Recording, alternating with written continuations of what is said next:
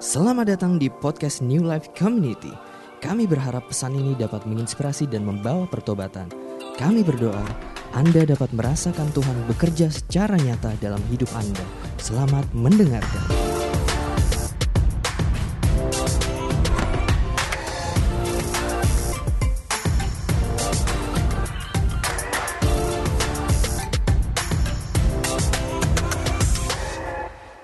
NLC, selamat pagi. Apa kabar? Saya percaya setiap kita dalam kondisi yang sehat dan baik dan penuh sukacita dan kita siap untuk dengar firman Tuhan di pagi hari ini.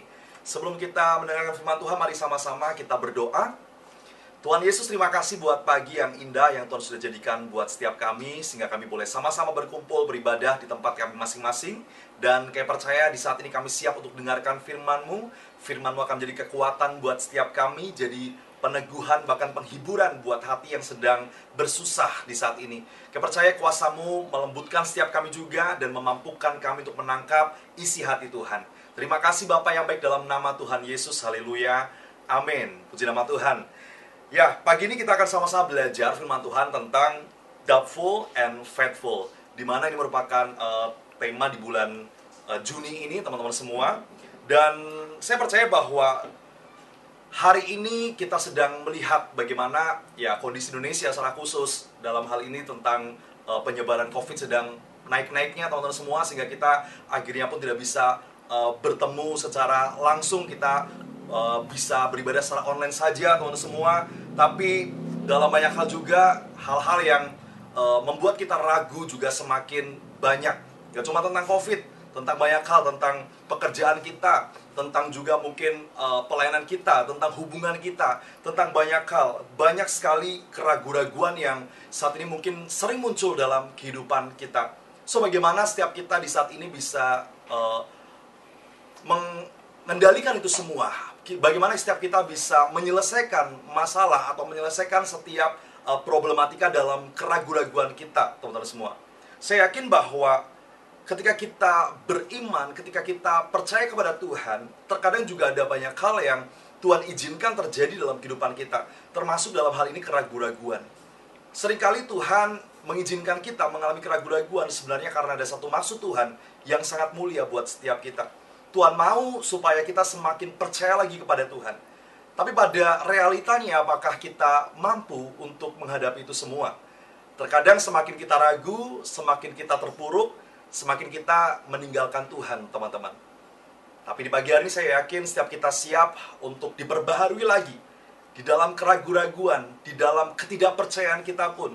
Saya percaya ada Tuhan yang terus mau menguatkan kita dan memberikan damai sejahteranya buat kita.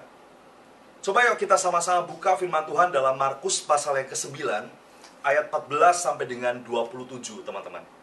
Markus pasal yang ke-9 ayat 14 sampai dengan ayat yang ke-27. Saya akan bacakan buat setiap kita ayat 14. Ketika Yesus, Petrus dan Yakobus dan Yohanes kembali pada murid-murid lain, mereka melihat orang banyak mengerumuni murid-murid itu dan beberapa ahli Taurat sedang mempersoalkan sesuatu dengan mereka. Pada waktu orang banyak itu melihat Yesus, tercenganglah mereka semua dan bergegas menyambut dia. Lalu Yesus bertanya kepada mereka, "Apa yang kamu persoalkan dengan mereka?" Kata seorang dari orang banyak itu, "Guru, anakku ini kubawa kepadamu karena ia kerasukan roh yang membisukan dia. Dan setiap kali roh itu menyerang dia, roh itu membantingkannya ke tanah, lalu mulutnya berbusa, giginya berkertakan dan tubuhnya menjadi kejang. Aku sudah meminta kepada murid-muridmu supaya mereka mengusir roh itu, tetapi mereka tidak dapat." Maka kata Yesus kepada mereka, "Hai kamu angkatan yang tidak percaya, berapa lama lagi aku harus tinggal di antara kamu? Berapa lama lagi aku harus sabar terhadap kamu? Bawalah anak itu kemari." Lalu mereka membawanya kepadanya. Waktu roh itu melihat Yesus, anak itu segera digoncang-goncangnya dan anak itu terpelanting ke tanah dan terguling-guling sedang mulutnya berbusa. Lalu Yesus bertanya kepada ayah anak itu, sudah berapa lama ia mengalami ini? Jawabnya, sejak masa kecilnya. Dan sering kali roh itu menyeretnya ke dalam api ataupun ke dalam air untuk membinasakannya. Sebab itu jika engkau dapat berbuat sesuatu, tolonglah kami dan kasihanilah kami. Ini kata orang tua daripada anak yang hari itu sedang kerasukan ya teman-teman. Jawab Yesus, katamu jika engkau dapat, tidak ada yang mustahil bagi orang yang percaya. Ini jawab Yesus. Segera ayah anak itu berteriak, ini yang menarik teman-teman semua. Aku percaya, tolonglah aku yang tidak percaya ini. Sekali lagi ya, aku percaya, tolonglah aku yang tidak percaya ini. Nanti kita akan sama-sama bahas teman-teman. Ketika Yesus melihat orang banyak makin datang berkerumun, ia menegur roh jahat itu dengan keras katanya, Hai kau, roh yang menyebabkan orang menjadi bisu dan tuli, aku memerintahkan engkau keluarlah daripada anak ini dan jangan memasukinya lagi. Lalu keluarlah roh itu sambil berteriak dan menggoncang-goncang anak itu dengan hebatnya. Anak itu kelihatannya seperti orang mati sehingga banyak orang yang berkata ia sudah mati. Tapi Yesus memegang tangan anak itu dan membangunkannya, lalu ia bangkit sendiri. Nah, teman-teman lewat cerita tadi kita belajar bagaimana ada seorang orang tua yang tentunya sangat mengasihi anaknya. Dia melihat bahwa anaknya sedang uh, sejak kecil sudah mengalami penderitaan. Bagaimana roh jahat yang merasuki tubuh anak tersebut sehingga terkadang uh, anak tersebut digoncang-goncangkan tubuhnya lalu sampai mulutnya berbusa bahkan beberapa kali juga katanya sempat diseret ke dalam api. Sungguh hal yang sangat membahagia, uh, membahayakan. Dan sebagai orang tua tentunya pasti orang tua tersebut sangat khawatir dengan kondisi anaknya. Lalu kemudian singkat cerita uh, dia pasti punya satu kerinduan supaya bagaimana anaknya ini bisa sembuh. Sampai akhirnya dia membawa kepada murid-murid Yesus karena ya kita tahu bahwa hari itu ketika Yesus melayani ada banyak mujizat yang terjadi lewat pelayanan Yesus dan tentunya juga mungkin orang-orang punya ekspektasi demikian. Orang-orang punya uh, harapan bahwa nggak cuma Yesus yang harusnya bisa menyembuhkan, tapi murid-muridnya pun harusnya juga bisa menyembuhkan. Dan percaya bahwa hari itu pun Yesus juga pasti sudah memberikan kuasa yang luar biasa untuk murid-muridnya juga. Karena selama beberapa tahun atau bahkan mungkin berapa lama uh, teman-teman semua, murid-muridnya bersama-sama dengan Yesus dan dia menyaksikan bagaimana Yesus melayani. Tapi apa yang terjadi ketika ekspektasi tersebut atau ekspektasi dari orang tua uh, mengharapkan bahwa anaknya sembuh ketika dilayani oleh murid-murid Yesus, yang terjadi adalah tidak demikian, teman-teman semua. Justru malah anak tersebut tidak sama sekali ada perubahan. Bayangkan teman-teman ketika kita mungkin sedang mengalami satu pergumulan berat dalam hidup kita, lalu kita lihat ada seseorang yang kita percaya, lalu kemudian kita datang kepadanya, kita berharap ada solusi, ternyata mungkin gak ada solusi sama sekali. Kita nggak dapat pertolongan, kita nggak dapat bantuan. Pasti terkadang ada rasa kecewa dalam hati kita kita merasa bahwa buat apa gue jauh-jauh ke sini ternyata juga nggak ada apa-apanya ternyata juga gue nggak dapat solusi apa-apa terkadang mungkin kita berpikir seperti itu tapi ternyata apa yang terjadi? Hari itu Yesus datang tepat pada waktunya teman-teman semua. Dan ketika Yesus datang Yesus mencoba untuk Eh, menanggulangi setiap kericuhan pada saat itu karena mungkin hari itu sedang rame-ramenya teman-teman semua. Bagaimana ada orang yang kerasukan lalu disembuhkan tidak sembuh. Lalu kemudian Yesus tanya sama orang tuanya sejak kapan anak ini seperti ini? Lalu orang tuanya menjawab sejak dari lahir uh, sejak dari kecil katanya.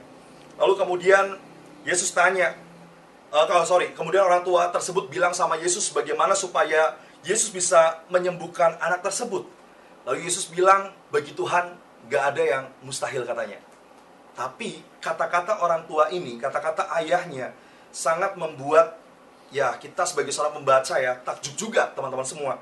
Sebab dia berkata bahwa aku percaya, tolonglah aku yang tidak percaya. I do believe, help my unbelief katanya. Bagaimana mungkin teman-teman semua bahwa dia bilang dia percaya, tapi dia minta tolong supaya ya dia juga bisa menguatkan ketidakpercayaannya, menguatkan supaya dia bisa percaya sesuatu hal yang yang nampaknya sangat sulit kita mengerti. Dia percaya tapi sebenarnya dia sedang tidak percaya, teman-teman semua. Dan ini yang mungkin terjadi dalam dalam kehidupan kita. Lihat situasi yang uh, kian kemari mungkin kita lihat bahwa ya ada perbaikan tapi ada juga orang-orang yang merasakan kok semakin hari semakin terpuruk kehidupanku, semakin hari semakin seperti tidak ada jalan keluar gereja bilang atau hamba-hamba Tuhan bilang supaya kita tetap beriman, kita tetap percaya. Tapi nyatanya pada saat kita diperhadapkan dengan situasi yang sungguh-sungguh tidak nyaman, kita nggak mampu percaya. Kita nggak mau percaya. Tapi kita bisa belajar dari orang tua si anak tersebut, teman-teman semua. Bagaimana di dalam ketidakpercayaannya, dia mengakui bahwa dia mau percaya, tapi dia nggak bisa percaya hari itu, teman-teman semua Mungkin karena pengalaman dia sudah datang ke banyak orang dan dan mungkin nggak ada jalan keluar, anaknya tetap tidak sembuh juga, sehingga dia mungkin sulit percaya hari itu. Tapi Yesus melakukan hal yang luar biasa. Yesus membuat satu mujizat yang hebat sehingga anak tersebut akhirnya bisa diselamatkan, teman-teman semua. Aku percaya, tolonglah aku yang tidak percaya ini. Tahukah teman-teman bahwa terkadang di dalam kita menghadapi keraguan-raguan dalam hidup kita, kita tidak perlu untuk takut mengungkapkan kelemahan kita di hadapan Tuhan. Kita tidak perlu takut untuk mencurahkan isi hati kita di hadapan Tuhan. Banyak orang yang di dalam kelemahan, justru mereka malah menjauh dari Tuhan. Tapi saya mau katakan bahwa ketika kita mengalami kelemahan, justru itu saat yang tepat untuk kita semakin melekat kepada Tuhan, teman-teman semua. Di dalam kelemahan kita, itulah waktu yang tepat untuk kita semakin belajar mempercayai Tuhan. Terkadang karena masa lalu kita, terkadang karena hal-hal yang mungkin sudah pernah kita hadapi sebelumnya yang tentunya e, membekas dalam hati kita, membuat kita tidak mudah percaya kepada sesuatu, teman-teman semua. Tapi saya mau katakan di saat ini, bangunlah kehidupan kita selalu agar kita mampu memiliki iman yang sehat, teman-teman semua.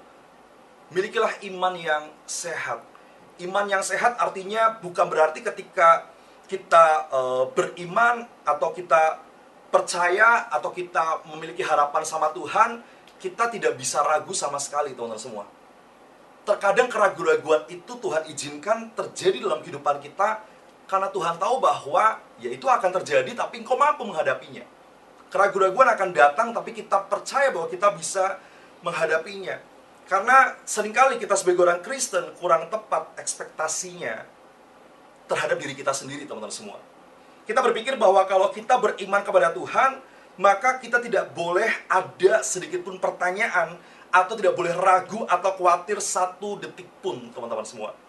Seakan-akan pilihannya hanya ragu sepenuhnya atau percaya sepenuhnya.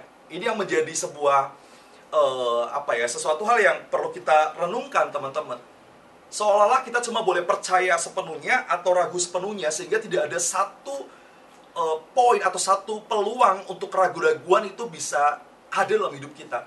Tapi saya mau katakan di dalam iman yang sehat terkadang pun ada keraguan-raguan. Tetapi karena iman itu lebih kuat, kepercayaan kita itu lebih kuat, membuat ketakutan kita, keraguan-raguan kita tertutupi, teman-teman semua. Iman yang kuat mampu membuat kita percaya sekalipun kita belum melihat sesuatu hal yang baik terjadi. Iman yang kuat membuat kita semakin yakin bahwa pekerjaan Tuhan itu pasti akan nyata buat setiap kita. Oleh karena itu, yang pertama, untuk kita bisa membangun kehidupan kita selalu memiliki iman yang sehat, kita harus berani mengakui kelemahan kita di hadapan Tuhan. Akui bahwa mungkin saat ini kita masih belum bisa percaya sepenuhnya sama Tuhan kita minta Tuhan untuk mengaruniakan rohnya yang kudus itu bekerja dalam kehidupan kita lebih dari sebelumnya, tahun semua. Kita akui bahwa hari ini kita masih lemah, kita akui bahwa hari ini kita masih belum bisa se percaya sepenuhnya, dan kita minta Tuhan bekerja dalam hidup kita. Kita minta Tuhan menguatkan kepercayaan kita, tahun semua. Kita nggak bisa tampil atau ter, apa ya tampil dan sok-sokan terlihat kuat setiap hari, teman-teman terkadang memang ada masa-masanya kita mengalami kesedihan. Ada masa-masanya kita mengalami keterpurukan. Tapi yang penting adalah jangan pernah kita menjauh dari Tuhan. Akui kelemahan kita di hadapan Tuhan. Akui bahwa kita belum mampu. Akui bahwa kita belum sanggup itu sebagai tanda kerendah hatian kita di hadapan Tuhan. Waktu kita rendah hati di hadapan Tuhan, kita tahu bahwa gak ada pertolongan di kanan kiri kita yang bisa kita andalkan. Cuma dia yang bisa kita andalkan. Waktu kita mengakui bahwa kita lemah, kita mau mengizinkan Tuhan yang penuh kuasa itu bekerja dalam kehidupan kita. Waktu kita mengakui bahwa kita terbatas, kita pun mengundang kuasa yang tak terbatas itu hadir dalam kehidupan kita, teman-teman semua. Jadi yang pertama, beranilah mengakui kelemahan kita di hadapan Tuhan. Jangan pernah kita merasa takut, merasa malu ketika kita harus mencurahkan keraguan-raguan kita di hadapan Tuhan. Mungkin banyak orang di sekitar kita akan bilang bahwa imanmu lemah. Kamu nggak pantas, kamu nggak layak, dan seterusnya, teman-teman semua. Tapi ketika kita memiliki satu persekutuan dengan Tuhan, saya yakin persekutuan itu akan menguatkan kita. Hubungan kita dengan Tuhan akan menguatkan kita sehingga ketika kita berekspektasi terhadap Tuhan, walaupun mungkin doa belum dijawab, walaupun mungkin keadaan masih belum berubah, kita nggak akan kehilangan kepercayaan kita sama Tuhan. Itu yang pertama. Yang kedua, teman-teman semua, yang terakhir. Bagaimana setiap kita mampu untuk membangun iman yang sehat, kita harus berani meletakkan kepercayaan kita sepenuhnya kepada Tuhan. Berani meletakkan kepercayaan kita kepada Tuhan. Seberapa kita percaya biasanya dipengaruhi oleh seberapa kita mengenal teman-teman semua. Ketika kita mengenal seseorang dengan dekat, dengan baik, kita akan mudah percaya terhadap kata-katanya. Tapi ketika kita belum mengenal mereka dengan baik, ya kita mungkin akan sulit untuk percaya, teman-teman. Termasuk juga dengan kehidupan kita dengan Tuhan. Ketika kita mengenal siapa Tuhan yang kita sembah, kita yakin bahwa Dia Tuhan yang menciptakan alam semesta dan Dia juga bertanggung jawab sepenuhnya atas kehidupan kita, maka kita mampu untuk meletakkan kepercayaan kita kepada Tuhan. Daud ketika dia dikejar-kejar oleh musuh, setiap hari dia dihadapkan dengan satu peperangan yang hebat, teman-teman semua. Gak habis-habisnya cobaan datang, gak habis-habisnya peperangan datang dalam kehidupan Daud. Apa yang dia katakan? Dalam uh, Mazmur 56 ayat 3 dikatakan bahwa When I am afraid, I will put my trust and faith on, on you, katanya. Ketika ketika aku takut, aku akan meletakkan kepercayaanku dan imanku kepadamu, katanya apa yang Daud hari itu nyatakan dan ungkapkan jadi satu pelajaran buat kita bahwa waktu kita lemah, waktu kita takut, hendaklah kita mau untuk meletakkan ketakutan kita, meletakkan kepercayaan kita, meletakkan iman kita kepada Tuhan. Tuhan adalah sebuah kepastian, teman-teman semua. Sehingga ketika kita meletakkan kepercayaan kita kepada Tuhan, kita meletakkan kepada satu kepastian yang tidak akan pernah goncang oleh apa pun.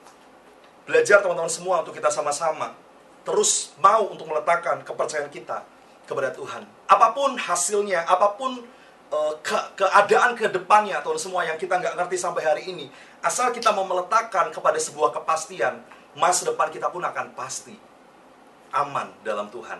Amin teman semua. So yang pertama tadi, berani mengakui kelemahan kita di hadapan Tuhan. Ketika pun kita ragu, ketika pun kita sedang lemah, kita akui kelemahan kita di hadapan Tuhan. Kemudian juga kita harus mulai berani untuk meletakkan kepercayaan kita kepada Tuhan. Sekali lagi teman-teman semua, di dalam iman kita terkadang keraguan, ketakutan masih tetap ada, tapi yang penting respon hati kita, sikap hati kita, tahu apa yang harus kita perbuat, teman-teman semua. Kita berani meletakkan kepercayaan kita kepada Tuhan. Percaya dalam menghadapi setiap tantangan-tantangan kita, kita akan menjadi orang-orang percaya yang semakin kuat. Puji nama Tuhan, Tuhan Yesus memberkati setiap kita. Yuk mari sama-sama kita berdoa. Terima kasih Bapak, saya percaya bahwa hari ini setiap kami kembali dikuatkan, kami diteguhkan kembali oleh kebenaran firman Tuhan. Di dalam kelemahan kami, dalam ketidakpercayaan kami, dalam keraguan-raguan kami, ada Tuhan yang turut bekerja mendatangkan kebaikan buat setiap kami. Untuk itu perlengkapi kami dengan kekuatan, perlengkapi kami dengan penghiburan, perlengkapi kami dengan kepercayaan yang penuh kepadamu Bapak. Dalam kelemahanku pun aku percaya Tuhan terus bekerja. Terima kasih Bapak berkatmu atas teman-teman NLC, setiap pengurus semuanya dipakai diberkati oleh Tuhan dan apa pun yang kami rencanakan, apa pun yang kami rindukan ke depannya, Tuhan yang beracara dan Tuhan yang menjadikan segala sesuatunya baik. Dalam nama Tuhan Yesus, haleluya. Amin, amin, amin. Terima kasih sudah mendengarkan podcast ini. Kami berdoa Anda diberkati melalui pesan yang telah disampaikan. Mari sapa kami melalui Instagram @newlifec dan bagikan pesan ini supaya lebih banyak orang yang diberkati.